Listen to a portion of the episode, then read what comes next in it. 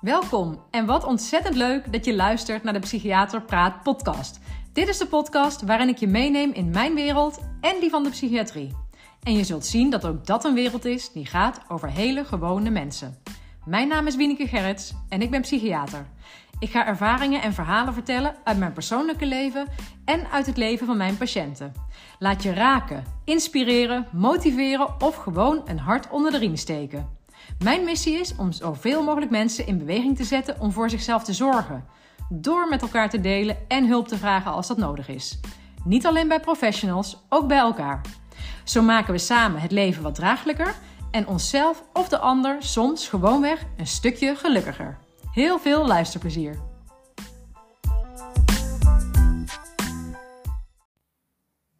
Hey, goedemorgen, daar ben ik weer. Ik, uh, nu ik deze woorden uitspreek, moet ik zelf een beetje lachen. Omdat ik uh, gisteravond dus de vorige aflevering opnam. En uh, daarin op het einde ook zei van nou, we gaan vanzelf merken of ik er morgenochtend uh, of of ik er morgen weer ben of niet.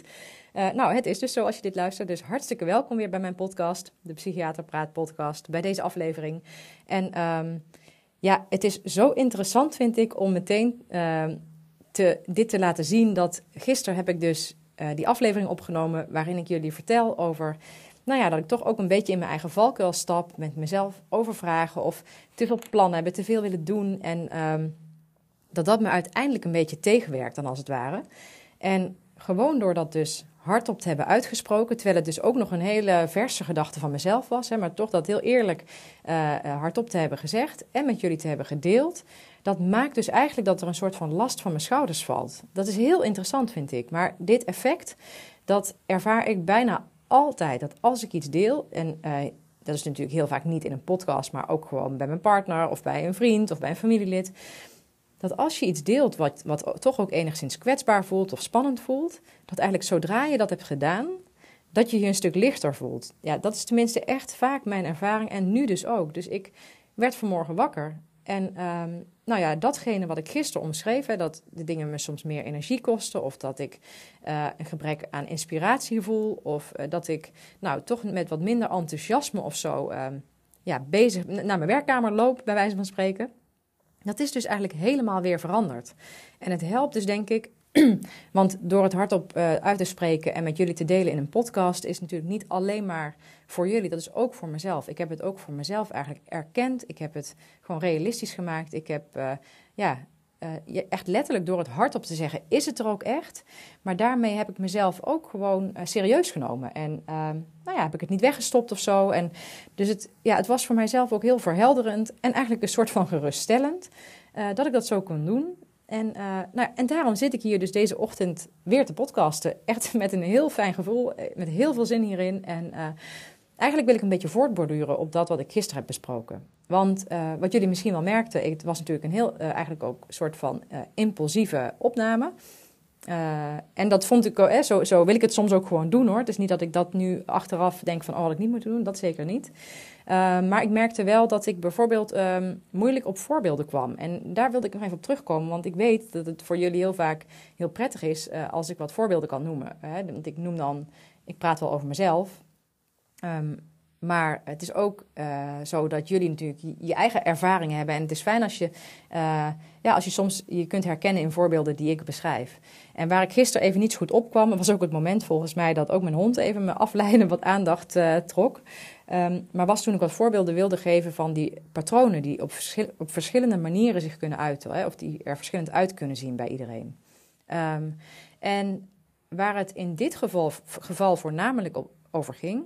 Want in alle gedrag van mensen kun je patronen herkennen. Maar waar het bij mij over ging en waar ik dus nu voorbeelden over ga noemen, is wanneer je een bepaald gedragspatroon hebt, maar ook een gedachtepatroon, hè, gewoon een patroon in hoe je handelt en hoe je bent. Um, maar dan op het gebied van dingen die je eigenlijk heel leuk vindt om te doen en waar je wellicht dan ook heel goed in bent. Dus dingen die eigenlijk heel positief zijn, die je gewoonlijk heel veel, um, nou ja, heel veel plezier geven en um, ja, zingeving bieden. Uh, dat je die dingen soms te veel gaat doen, waardoor het uiteindelijk niet meer in je voordeel werkt. Of hè, waardoor het je uiteindelijk tegen gaat werken. In mijn geval is dat bijvoorbeeld, ik vind mijn werk gewoon ontzettend leuk. Ik doe het echt heel erg graag. Ik krijg zoveel energie van in contact zijn met mensen. En ja, ik ben ook zo iemand die. Ik kan heus wel een keer een, uh, een uh, chit-chat over het weer hebben, zeg maar. Maar ik ben iemand die ook graag gewoon een echt gesprek heeft. Ja, ik noem het echt, maar hè, daarmee zeg ik niet dat andere gesprek, gesprekken onecht zijn. Ja, feitelijk zeg ik dat natuurlijk wel. Maar wat ik bedoel is dat het eigenlijk echt gaat over, ja, over hoe het met iemand is. Of, um, uh, of ja, wat je beleeft met elkaar. Of iets wat je belangrijk vindt. Hè. Dus een, ja, eigenlijk toch wat meer de serieuze gesprekken eigenlijk. Dat is uh, waar ik sowieso gewoon heel erg van hou. Um, en ik vind het dus ook echt gewoon oprecht heel fijn en leuk om uh, met mensen nu aan het werk te zijn in mijn praktijk. En met hen één op één te praten en te ontdekken en te ontrafelen. En ja, daar, daar krijg ik gewoon echt ook echt energie van. Dat vind ik gewoon super leuk om te doen. En daar is dus bijgekomen dat sinds ik uh, mijn praktijk gestart ben, ik ook deze podcast gestart ben. En ik merk dat ik dat ook heel erg leuk vind om te doen. Ik, ja, ik ben gewoon best wel een prater, denk ik ook. En nou ja, dus dit is iets wat mij heel veel plezier geeft. En daar zit hem juist uh, de moeilijkheid in, vind ik. Dat wanneer je bezig bent met iets wat je gewoon graag doet, wat je leuk vindt om te doen, waar je uh, uh, ook goed in bent, waarbij je dus ook nou ja, positieve feedback krijgt of complimenten krijgt, dan vind ik althans het vaak moeilijk om te herkennen wanneer, waar dan een grens ligt, zeg maar, wanneer het, tot wanneer het nog goed is voor jezelf. En een van de voorbeelden waar ik gisteren niet op kwam, maar nu wel, uh, is bijvoorbeeld mensen die heel uh, zorgzaam zijn. Dat zie ik ook heel vaak. Gewoon omheen, maar ik zie ook soms uh, in zo'n mate dat mensen ook echt klem zijn komen te zitten en echt psychische klachten hebben gekregen. Dus dat, dan zie ik als psychiater, maar het gebeurt in, in alle lagen zeg maar, van de bevolking. Um, dat als je het heel leuk vindt en fijn vindt om voor mensen te zorgen, dan, uh, ja, dan doe je dat dus. En dat kan, dat kan zich uiten in dat je gewoon graag uh, uh, mensen ehm, helpt of zo, of mensen uitnodigt en een kopje koffie zet. Dus, dus gewoon um, ja, een gezellige sfeer maakt en dan zorgt voor, ja, tussen aanhalingstekens, de catering. Hè. Je zorgt dat er iets te drinken, iets te eten is of zo. Of, of als je weet dat mensen echt letterlijk wat, wat fysieke hulp nodig hebben om een boodschap voor ze te doen of om, om ze te helpen met iets in huis of zo, hè, dat je dat gewoon graag doet.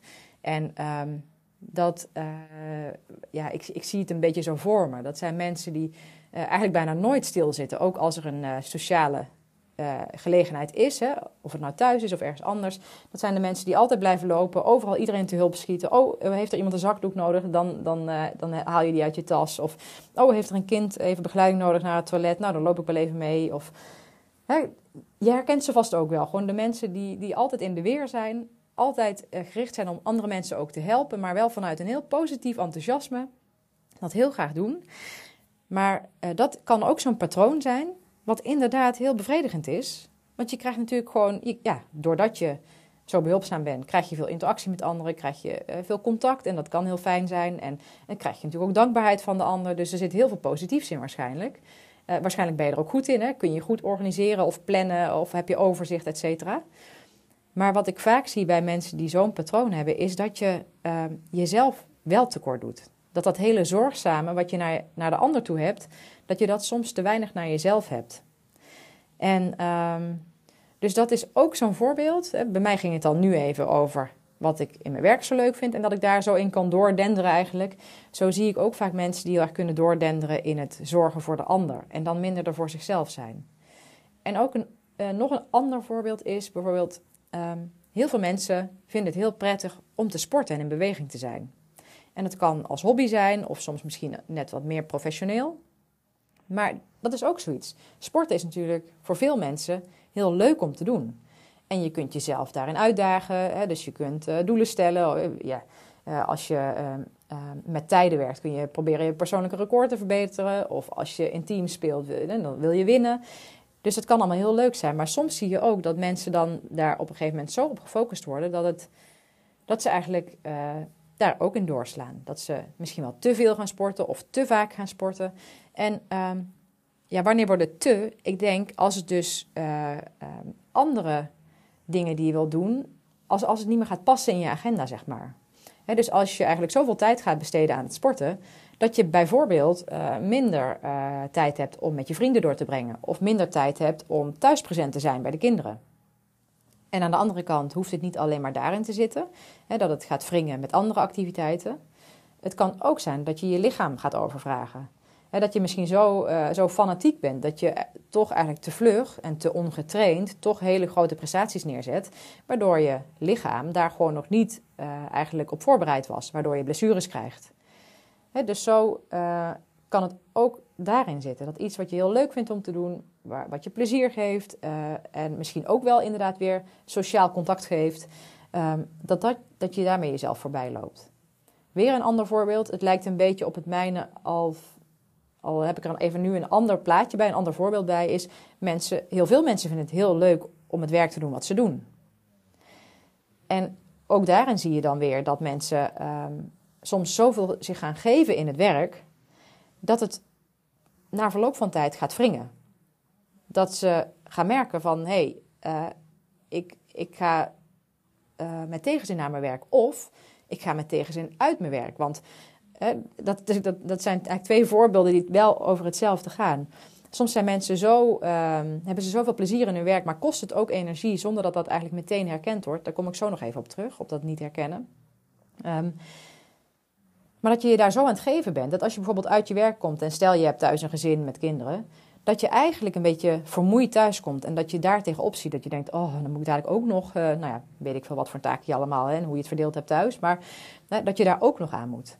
Of dat je s ochtends vroeg denkt van, oh yes, over vijf minuten mag ik de auto in. Want hè, dat je het eigenlijk al te druk vindt met de mensen om je heen thuis. Dat je denkt, oh, dadelijk ga ik weer naar mijn werk en dan ben ik weer op mijn eigen plek, met mijn eigen regie. En dan kan ik het weer gaan regelen. Dat kunnen allebei tekenen zijn dat je eigenlijk qua energiebalans niet op het juiste spoor zit. En dan hangt het ervan af hoe je je prioriteiten stelt. Als jij werk belangrijker vindt dan hoe je thuis present bent, ja, dan ben je op het goede spoor. Maar dat heb ik nog bijna nooit iemand horen zeggen. Iemand die een thuissituatie heeft, of het nou met alleen een partner is, of misschien woon je bij je ouders, of eh, heb je dus kinderen en een gezin, of hoe je plek ook is samengesteld. Bijna iedereen die ik spreek, hoor ik eigenlijk zeggen van ja, maar dat is het belangrijkste in de basis, daar moet het goed zijn. En, uh, en dan komt het volgende. Maar we leven heel vaak anders. Tenminste, er zijn allerlei redenen waarom we op een gegeven moment andere dingen laten voorgaan. En dat heeft vaak ook te maken met weer verwachtingen van anderen. Als je bijvoorbeeld in loondienst bent, dat je dan denkt, ja, maar ik moet toch. Uh, of als je gewoon heel gedreven bent en daar ook zelfvertrouwen uithaalt, hè, dan, dan kan het soms ook, uh, ja, kan het je ook voor een dilemma plaatsen ja, dat, daar ben je dan misschien niet zo bewust van. Maar dat je eigenlijk zoveel uh, waardering krijgt op je werk en daar zo'n goed gevoel bij krijgt, dat je daarna blijft hunkeren. Dus dat je dat blijft doen. Of dat je bijvoorbeeld sowieso iemand bent die heel moeilijk nee kan zeggen. Dus als je wordt gevraagd om, wil jij morgen nog even die presentatie geven? En dat je s'avonds weer uh, achter je computer zit. Dus dan kan het zijn dat je wel bezig bent met een baan die je heel leuk vindt, maar dat het op een gegeven moment toch een beetje begint te kantelen. Dat het eigenlijk te veel van je gaat vragen, uh, in verhouding met de andere verlangens of prioriteiten die je stelt. Nou, dus ik, dit zijn een paar voorbeelden uh, om nog even te kijken dat als dat gisteren niet zo goed gelukt is, of als je dat niet zo kon herkennen, dat je misschien wel ziet dat jij ook dingen hebt waar je eigenlijk gewoonlijk heel veel zin in hebt om het te doen. En um, waarbij je zelf misschien ook vaak de ervaring hebt van dat kost me helemaal geen energie, het levert me eerder energie op. Dat het toch soms kan zijn dat je daar zo op gefocust raakt dat het uiteindelijk gaat bijten met iets anders wat je ook verlangt en dat dan de balans eruit raakt. Dat voorbeeld heb ik willen stellen door gisteren ook ja, mijn uh, verhaal te vertellen. Um, en ik moest zelf denken eigenlijk aan de, um, aan de leercirkel van uh, Maslow. Die kennen jullie misschien wel, dat weet ik niet. Maar, want eigenlijk zijn we allemaal ons hele leven wel aan het leren. Bewust of onbewust. Maar ja, je leert iedere keer van je nieuwe ervaringen die je opdoet. En Maslow, dat is een klinisch psycholoog, een Amerikaanse psycholoog, die heeft uh, daar een, uh, ja, een soort leercirkel voor opgesteld. En die zegt, eigenlijk zijn we in het begin allemaal onbewust en onbekwaam. Dus die twee verschillende uh, definities. Je, je bent eerst nog niet bewust bijvoorbeeld van je gedrag en je bent ook nog niet bekwaam om het op die manier te doen die je eigenlijk wil, hè, zodat het jezelf dient. En daar zit hem dus in wat ik net zei, hè, dat je het soms ook niet ziet, dat je soms nog niet doorhebt dat je in een patroon zit. Dat kan uh, het begin zijn, maar soms zijn we ook nog heel erg bezig eigenlijk met het ontkennen van dat we erin zitten. Dat je eigenlijk misschien ergens van binnen wel al voelt van, hmm, ja, uh, dat, ja, je kent vast wel dat gevoel dat je eigenlijk tegen beter weten in nog iets aan het doen bent. Dat je eigenlijk wel weet van, hm, ik zou, het klopt niet, het past niet in mijn agenda, maar ik wil het zo graag. En dat je dat dus vervolgens eigenlijk een beetje gaat wegstoppen. Dat je daar niet met je aandacht heen gaat. Dat je het negeert of ja, dus eigenlijk wil, wilt ontkennen dat het aan de hand is. Dat kan een beetje in die eerste fase zijn. Onbewust, onbekwaam. En ja, bij ontkenning, dan ben je dus misschien een beetje bewust, maar dan wil je er nog niet bewust van worden. Dat is het eigenlijk. En dan de volgende stap is dat je er bewust van wordt. En dan ben je bewust onbekwaam. Dus je kunt het nog niet, of je doet het nog niet anders, maar je bent je er wel bewust van aan het worden. Dat is wat ik gisteren noemde in die aflevering, dat ik het eigenlijk bij mezelf begon te herkennen. Dus want ik doorloop deze cirkel ook eigenlijk weer iedere keer opnieuw. Want het betekent niet dat je bij stap 1 begint en dat als je bij het einde bent, dat je klaar bent. Dit, dit herhaalt zich je hele leven. En af en toe val je één stapje terug of twee stapjes terug. Maar nou, eigenlijk gebeurt het iedere keer opnieuw. Dus bij mij ook. Dus gisteren, toen ik zo dat inzicht kreeg, dat was eigenlijk mijn herkenning. Van hé, hey, wacht eens even, dit ken ik van mezelf. Dan heb ik zoveel uh, plannen en zoveel enthousiasme en zoveel inspiratie. En dan, dan ga ik met die banaan, maar dan vergeet ik eigenlijk dus te, dus te, te doseren. want dat is echt iets, ja, dat is voor mij gewoon super vertrouwd. Als ik dit hardop uitspreek, denk ik, ja, dit is zo bekend. Doseren is voor mij gewoon soms heel lastig. Dan, ik, ik geef meteen vol gas en in rustigere stapjes gaan, dat vind ik gewoon soms heel erg lastig. Dus dat herkende ik. Ik was me bewust enigszins onbekwaam. En het volgende, en dat is eigenlijk een tussenstap, want bij ehm, eh, de, cirkel van, uh, de leercirkel van Maslow gaat het eigenlijk vervolgens naar het bewust bekwamen. Maar ik zet er nog even een stapje tussen, dat is een beetje die onderzoeksfase, het verkennen want je hebt dan je patroon herkend. Je hebt gezien van, oh, ik, ik doe weer iets wat ik van mezelf ken. En waar ik eigenlijk weet dat ik iets anders moet gaan doen. Dus die actie tot verandering, die komt zo meteen. Maar dat stapje wat ik er nog tussen zet, is dat je het nog een beetje gaat onderzoeken. Het is wel goed om ja, om daar echt figuurlijk een beetje omheen te gaan lopen om dit uh, gebeuren. Dat je een beetje ernaar gaat kijken, dat je het gaat onderzoeken, dat je gaat snappen wat je aan het doen bent. En dat je bijvoorbeeld ook iemand zoekt om er eens over te sparren van hè, inderdaad hoe ik het nu zie, hè, hoe ik denk dat ik het herken. Uh, denk jij ook dat dit klopt? Hè? Of, of heeft iemand nog goede vragen om te reflecteren hierop? Dus er zit een soort reflectiefase in. Je herkent het en het is ook wel goed om, om daar eens even echt goed op te gaan kouwen. Om dat eens goed te onderzoeken. Nou, als je dat hebt gedaan en je denkt van inderdaad, um, er is een situatie ontstaan waarin ik in een bepaald patroon zit, waarvan ik weet en inmiddels herken dat het mij niet helemaal goed gaat helpen, dus die om bijsturing vraagt, dan kun je overgaan tot actie. En uh, dan kom je dus in het bewust bekwamen. Je bent je er bewust van geworden en je gaat je gedrag aanpassen waardoor het beter wordt voor jezelf. Dus daar zit, uh, daarom gaat het van onbekwaam naar bekwaam. Je, je gaat het kunnen. Je gaat er grip op krijgen. En uh, zoals ik dat nu voor mezelf doe, is dat ik dus inderdaad denk: oh ja, ik moet toch iets meer concretiseren in welke week ik welke acties doe. Hè? Dus eigenlijk iets meer, ik moet iets meer gaan plannen, zodat ik niet zo overweldigd word, zodat ik niet te hard ga lopen of onzorgvuldig word op andere vlakken, hè? dat ik sommige dingen laat versloffen. Daar ga ik zo meteen nog even een voorbeeld van geven, want dat is wel gebeurd bij mij namelijk. Um, maar degene bijvoorbeeld, die, die, die hele zorgzame figuur, die de hele tijd voor anderen aan het zorgen is en die dat uh, eerst misschien ontkend heeft. Nee, ik vind het gewoon heel leuk om te doen. Nee hoor, ik loop nog wel een keer. Nee, is echt helemaal niet erg. Een beetje die ontkenning of het zelf nog niet doorhebben. Die over is gegaan als je aan het eind van de dag thuis en denkt: Oh, ik ben helemaal back af. En zich dan bedenkt: Oh, ik heb het weer gedaan. Ik ben weer gaan rennen voor Jan en alle man. Maar ik heb eigenlijk te weinig aan mezelf gedacht. Als hij bewust onbekwaam is geworden en dat misschien nog eens een beetje heeft onderzocht, over na heeft gedacht, dat hij dan actie gaat ondernemen en gaat denken: oké, wacht even. Bij de volgende gelegenheid, dus misschien gewoon de volgende dag, uh, ga ik uh, vier keer een kwartier pauze inlassen op de dag, waarin ik me even terugtrek in mijn eentje. Ik noem maar wat, hè. het is gewoon een voorbeeld, maar waardoor je eigenlijk uh, een actie gaat koppelen aan je inzicht. Waardoor je echt tegen jezelf zegt van oké, ik moet het anders gaan doen en dat je dat gaat concretiseren en ook echt gaat doen. Dus jezelf daar ook aan houdt. Dan word je bewust bekwaam. Dat is dus in de leercirkel van Maslow de derde stap. Je ging van onbewust onbekwaam naar bewust onbekwaam. Dan ga je naar bewust bekwaam. En uiteindelijk is het dus bedoeling dat je naar de vierde stap gaat, um, dat je onbewust bekwaam wordt. Dus dat je er eigenlijk niet meer zo over na hoeft te denken. Dat het eigenlijk als vanzelf gaat. Dat het een nieuwe gewoonte is geworden die je kunt volhouden. Um, en ja, ik zeg moeten, maar dit zijn eigenlijk gewoon de stadia van de leercirkel waar je doorheen gaat als je hem helemaal afmaakt. En, ehm, en soms val je dus wel weer even terug. En dat, dat geeft helemaal niks. Maar uh, het fijne is dat als je hem eenmaal zeg maar, de cirkel hebt doorlopen, dat je iets nieuws hebt aangeleerd voor jezelf, wat ook vol te houden valt. En dat is echt een hele belangrijke, want soms, dan moet ik bijvoorbeeld even aan iets heel anders denken. Um, aan uh, mensen die uh, hun gewicht willen veranderen en dus willen afvallen.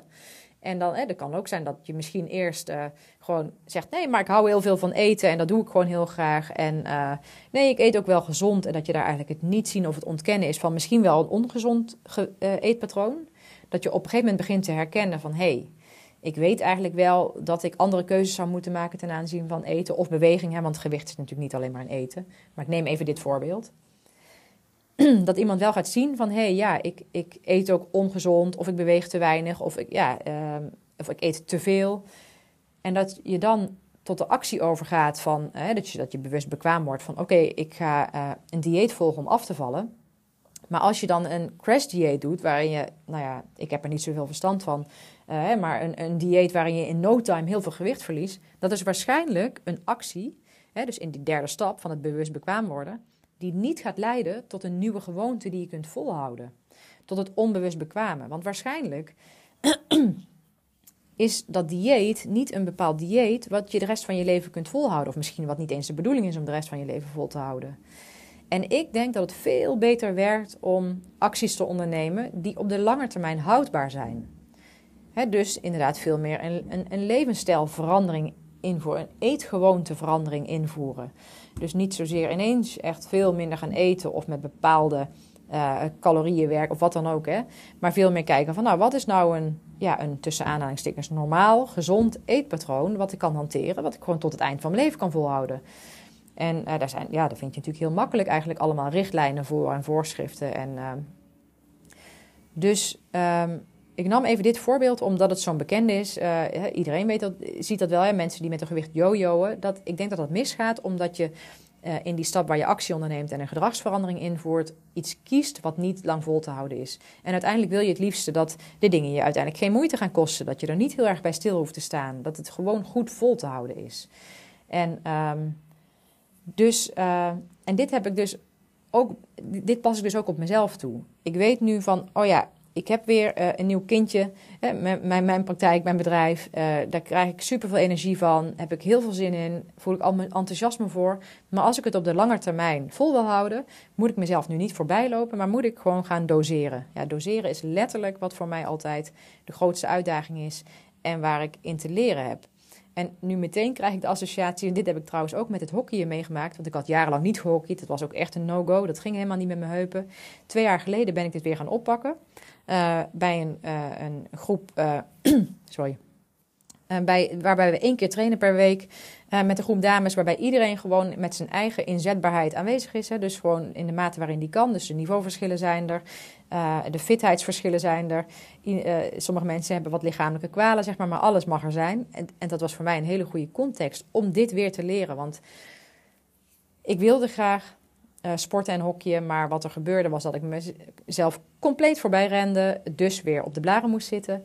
Dus ik moest echt leren doseren. En ik kan zeggen dat nou na een jaar, nee, na anderhalf jaar had ik dat onder de knie. Nu kan ik iedere week als ik wil gaan hockeyen en ren ik mezelf niet voorbij. Maar je hebt dus gewoon soms tijd nodig om dingen te leren en te implementeren, zeg maar. Om ze te kunnen gaan volhouden. Dat het echt iets wordt wat vanzelf gaat, waarbij je er niet meer over na hoeft te denken.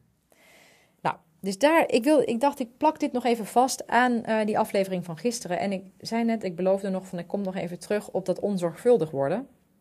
Um, dat is wat er uh, bij mij is gebeurd, ook uh, met al mijn plannetjes en werkzaamheden. Um, is namelijk dat ik um, ergens in een van mijn eerste afleveringen heb ik jullie meegenomen in mijn plan om een, een soort stappenplan op te stellen, wat je op mijn website zou kunnen downloaden. Uh, die eigenlijk um, uh, ja, voor iedereen die denkt van... hé, hey, ik wil eigenlijk wat verbetering aanbrengen in mijn leven... ik wil wat verbetering in mijn stemming... of gewoon in het algeheel, ik wil me wat fijner voelen... dat ik daar een stappenplan voor ging maken. En daar was, daar, ja, eigenlijk heb ik die tot 98% heb ik dat plan gemaakt... maar ik raak er niet tevreden over. En um, eigenlijk had ik gewoon te veel ballen in de lucht. Want ondertussen was ik dus ook natuurlijk één op één aan het coachen. En mijn psychotherapie en mijn podcast en mijn plan uitwerken voor groepstherapie. En ondertussen was ik ook nog bezig met het alvast een beetje nadenken over een online training. En toen merkte ik gewoon dat ik minder ruimte overhield om dat stappenplan uiteindelijk af te maken. En hij is een aantal keer aangevraagd via de website. En dan krijgen mensen netjes een bericht van, nou hij is nog niet klaar, maar zodra hij klaar is krijg je hem. Maar ik krijg daar langzaamaan buikpijn van. Want ik vind dit gewoon niet, dit vind ik niet helemaal uh, zuiver. Dat ik uh, mensen dat laat aanvragen, maar dat ik het gewoon nog niet heb toegestuurd en nog niet af heb. Dat, dus dat geeft mij een slecht gevoel uh, ten, naar die ander. Maar, en het is ook een beetje een blok aan mijn been, omdat hij staat bijna iedere week in mijn agenda van oké, stappenplan, stappenplan, stappenplan. Dus het wordt ook een beetje zo'n soort, bijna een trigger dat ik denk, oh help, ik moet nog iets. Iets waar ik geen zin in heb. Terwijl ik er dus eigenlijk van tevoren heel enthousiast over was. Dus dat was ook een van de dingen waaraan ik merkte van, ik heb gewoon te veel hooi op mijn vork genomen. Ik heb te veel dingen op mijn bordje. En dat heb ik allemaal zelf gedaan. Daar neem ik ook verantwoordelijkheid voor hoor. Dat, dat sowieso. Maar um, daaraan zie ik van nou, ik heb het niet helemaal goed gedaan. En niet om mezelf omlaag te praten hoor, goed of fout. Nou, in ieder geval, hier heb ik dus iets van te leren. En um, dus ik ga de komende tijd iets meer zitten op mijn eigen planning ook wanneer neem ik een podcast op? Uh, wanneer ga ik zitten voor uh, dit plan? En ik heb me dus ook gerealiseerd van dat stappenplan. Dat is natuurlijk in een geschreven uh, bestand. Um, ik denk eigenlijk dat ik beter ben in het gesproken bestand. Ik heb nou na, namelijk de ingeving gekregen dat ik dacht: hé, hey, maar misschien moet ik het helemaal niet proberen in een papieren format te gieten. In een PDF, wat mensen toegestuurd krijgen. Maar misschien moet ik het als een soort audiobestand gaan inspreken, waar mensen ook gewoon op de pauzeknop kunnen drukken uh, en weer verder kunnen gaan. En moet ik het op die manier gaan aanbieden. En um, ik, ik, ik, ik vind het gewoon heel leuk om dit open en bloot met jullie te delen. En het is, mijn gedachte hierover is nog niet af. Dus ik, ik, het is nog niet definitief dat het zo gaat lopen, maar dit is mijn plan. En ja, dat is wat ik gewoon altijd heel erg fijn vind. Ik wil eigenlijk ja, gewoon zo authentiek mogelijk zijn. Dat heb ik ook dus in de contacten die ik met alle mensen heb met wie ik werk. Ik wil gewoon zo echt en zo eerlijk mogelijk zijn. En hier in de podcast deel ik ook heel veel over mezelf. Dat doe ik in, in mijn gesprekken met mensen over het algemeen minder, want daar gaat het niet over mij. Natuurlijk neem ik mezelf af en toe als voorbeeld, maar uh, ja, nee, in de gesprekken met de mensen met wie ik werk gaat het natuurlijk vooral over hen. Maar ik ben gewoon iemand, ik wil ja, waar ik ook ben, zo, zo oprecht mogelijk zijn. En zo integer mogelijk zijn en zo authentiek mogelijk zijn. En ja, hier in deze podcast voel ik de ruimte, maar of ja, wil ik eigenlijk ook zo zijn dat ik dit soort dingen met jullie deel. Dat ik ook gewoon kan vertellen van, hé, hey, ik ben wat aan het zoeken in mijn eigen werkzaamheden. Ik ben wat aan het zoeken in mijn eigen eh, bedrijf. En uh, ik wil ook open zijn over de plannen die ik maak. Want uh, ja, daarin hoop ik jullie ook een beetje mee te nemen. Van, uh, misschien maak ik jullie er ook wel enthousiast mee. Uh, dus vandaar dat ik dit nu vertel. Dus mocht jij nou iemand zijn uh, dat jij al een keer dat stappenplan hebt aangevraagd via mijn website en je hebt dat mailtje teruggekregen hè, van nou het is nog under construction. Um, nou, excuses dat ik het nog niet uh, toe heb gestuurd. Want dat vind ik gewoon oprecht eigenlijk niet zo netjes van mezelf. Um, maar weet dat het nog in mijn aandacht zit. En dat het misschien wel in een iets andere vorm gaat komen dan ik, dan ik eerder heb gezegd. Hè? Dat ik eerder heb gezegd dat het in een bestand zou komen. Maar misschien komt het wel in audiovorm.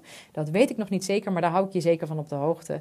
Um, dus weet dat ik je niet vergeten ben en uh, dat je van mij bericht gaat krijgen. Nou, dit was dus uh, de toevoeging aan de aflevering van gisteren, een soort deel 2. Uh, ik hoop dat de voorbeelden misschien nog iets meer tot de verbeelding hebben gesproken, waardoor het misschien nog tastbaarder wordt voor jezelf. Uh, nog, ja, dat je er misschien nog wat meer mee kunt. Want herkenning onderling is één ding. Hè? Dat je denkt, hé, hey, ik ben niet de enige. Dat kan soms wel heel prettig zijn om daar voorbeelden over te horen. Dat je denkt, oh, er zijn meer mensen die hier last van hebben.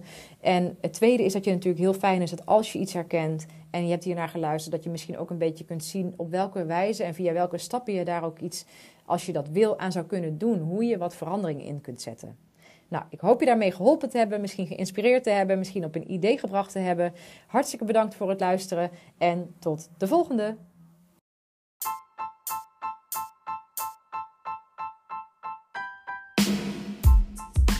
Ha, ik vind het echt super leuk dat je mijn aflevering beluisterd hebt. En nogmaals, heel erg bedankt daarvoor. Hopelijk heeft het je ook aangesproken. En wil je me dat laten weten? Dat kan via mail naar info.wienekegerrits.nl, een bericht via Instagram, waar ik te vinden ben onder Wieneke Gerrits, of op LinkedIn onder mijn eigen naam. Ik vind het heel leuk om ook jou beter te leren kennen en te weten wie er luistert. Jij kunt ook anderen inspireren door mij te taggen, bijvoorbeeld in je stories of je feed op Instagram. En wat jij van mij kunt doen, is in jouw podcast-app waar je deze beluistert een review achterlaten. Bijvoorbeeld een aantal sterren. Wil je dat doen? Zo kom ik erachter of en hoe mijn podcast gewaardeerd wordt en wordt hij beter vindbaar voor anderen. Overigens kun je je ook abonneren op deze podcast in je app.